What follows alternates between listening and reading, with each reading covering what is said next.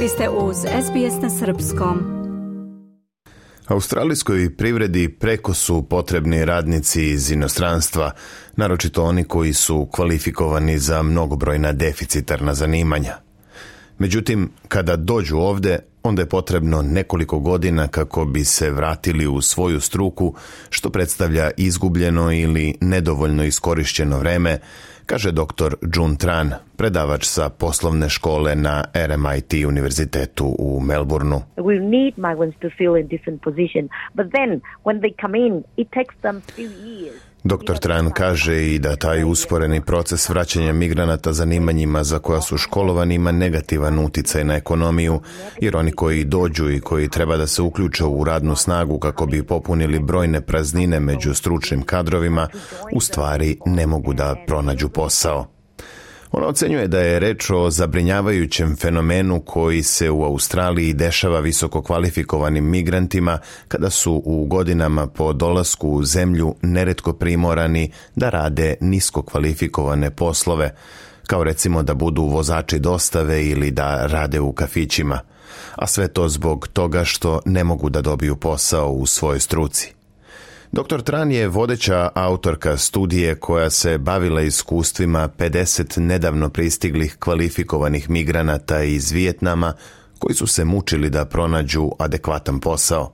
Također u sklopu ovog istraživanja zatražena su i mišljenja 12 stručnjaka za zapošljavanje novih radnika.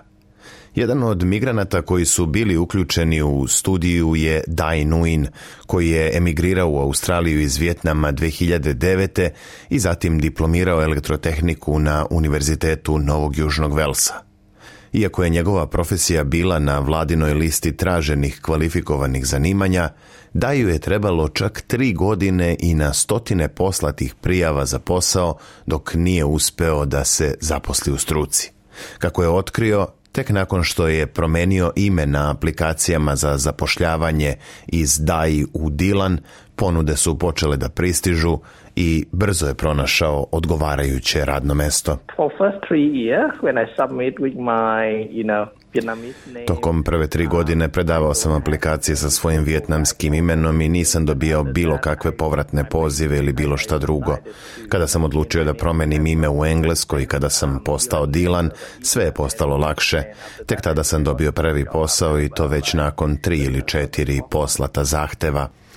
Ovakva i slična iskustva potvrđena su i ranije ove godine kada je Univerzitet Monaš objavio opširnu dvogodišnju studiju koja otkriva da su etničke manjine dobile 57% manje povratnih poziva od službi za zapošljavanje nego kandidati sa engleskim imenima, bar kada je reč o menadžerskim i drugim rukovodećim pozicijama.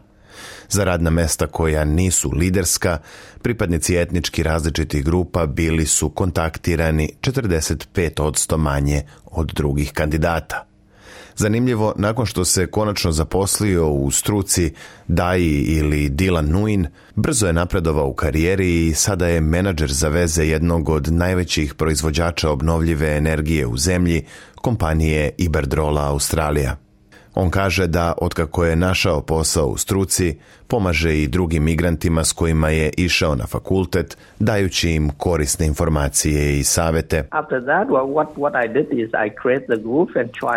Da i kaže da je napravio grupu kako bi pokušao da podrži svoje prijatelje koji se također muče da pronađu prvi posao u svojoj profesiji. Sada desetak ljudi iz grupe rade kao viši menadžeri u svojim industrijama.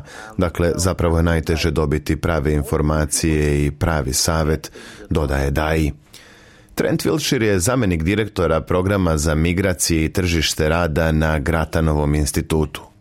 On kaže da je nedavno istraživanje koje su sproveli otkrilo da je inostranim studentima mogućnost da rade nakon što diplomiraju često uskraćena zbog poslodavaca koji ne razumeju složenost migracionog sistema.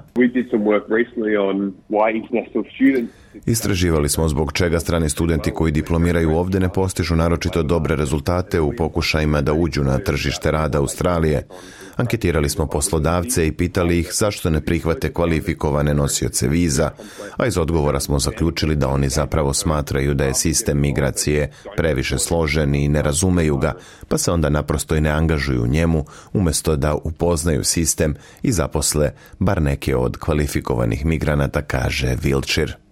Prema njegovim rečima, australijski sistem za dovođenje kvalifikovanih radnika iz inostranstva od vitalnog je značaja za podršku zdravoj ekonomiji, posebno u svetlu nedavnih snažnih udara na produktivnost zemlje. Kvalifikovana migracija je ključni deo australijske ekonomije. Ti ljudi uglavnom dolaze dok su prilično mladi daju veliki doprinos australijskoj ekonomiji. Oni također pružaju prednost u produktivnosti što je u ovom trenutku od kritičnog značaja jer se Australija suočava sa prilično slabim rastom produktivnosti. Dakle, imamo velike koristi od programa migracije kvalifikovanih radnika, sistem je prilično dobar, ali postoje neke stvari koje se mogu popraviti popraviti, naglasio je ovaj stručnjak sa Gratanovog instituta. Resursni centar za migrante u zapadnom Sidneju jedna je od institucija koje pomažu novopridošlim doseljenicima i izbjeglicama da se uklope u život u Australiji i da se snađu u složenim procesima zapošljavanja. Direktor centra Nathan Berbridge smatra da je jedna od najvećih prepreka koja otežava mogućnost zapošljavanja kvalifikovanih migranata zapravo nedostatak lokalnog radnog iskustva jedan od najvećih izazova za migrante je njihova mogućnost da steknu lokalno radno iskustvo i to ima ključni utjecaj na njihovu konkurentnost na tržištu rada. Veoma pažljivo smo razmotrili stepen neadekvatnog zaposlenja koje se javlja kod novih doseljenika i, na primjer, u izveštaju Komisije za ekonomski razvoj 2021. utvrđeno je da oko 23% kvalifikovanih migranata je zaposleno ispod njihovog nivoa znanja i obučenosti. Berbridge smatra da je problem do poslovne zajednice i njihovog stava prema pružanju šanse tim ljudima. Dr. Jun Tran sa Univerziteta RMIT kaže da diskrecija preduzeća igra važnu ulogu, ali isto tako veruje da australijska vlada treba da obezbedi financijski podsticaje za one firme koje migrantima budu nudile sticanje dragocenog lokalnog iskustva. Migrants Uh, treba razvijati načine na koje novi migranti mogu da dobiju iskustvo. Moramo da imamo programe kao što je financijska podrška za poslodavce koji bi im pružali priliku za stažiranje, a za to je potreban zajednički napor svih i vladinih agencija i kvalifikovanih migranata. Svako treba da zna svoju ulogu u tom procesu. Preduzeća su jedna strana problema, ali u ovom slučaju vlada treba da obezbedi podsticaje, kaže dr. Tran a zabeležio je Sam Dover iz informativne redakcije SBS-a. Moje ime je Branko Cvetojević. Slušate program na srpskom. Želite da čujete još priča poput ove? Slušajte nas na Apple Podcast, Google Podcast, Spotify ili odakle god slušate podcast.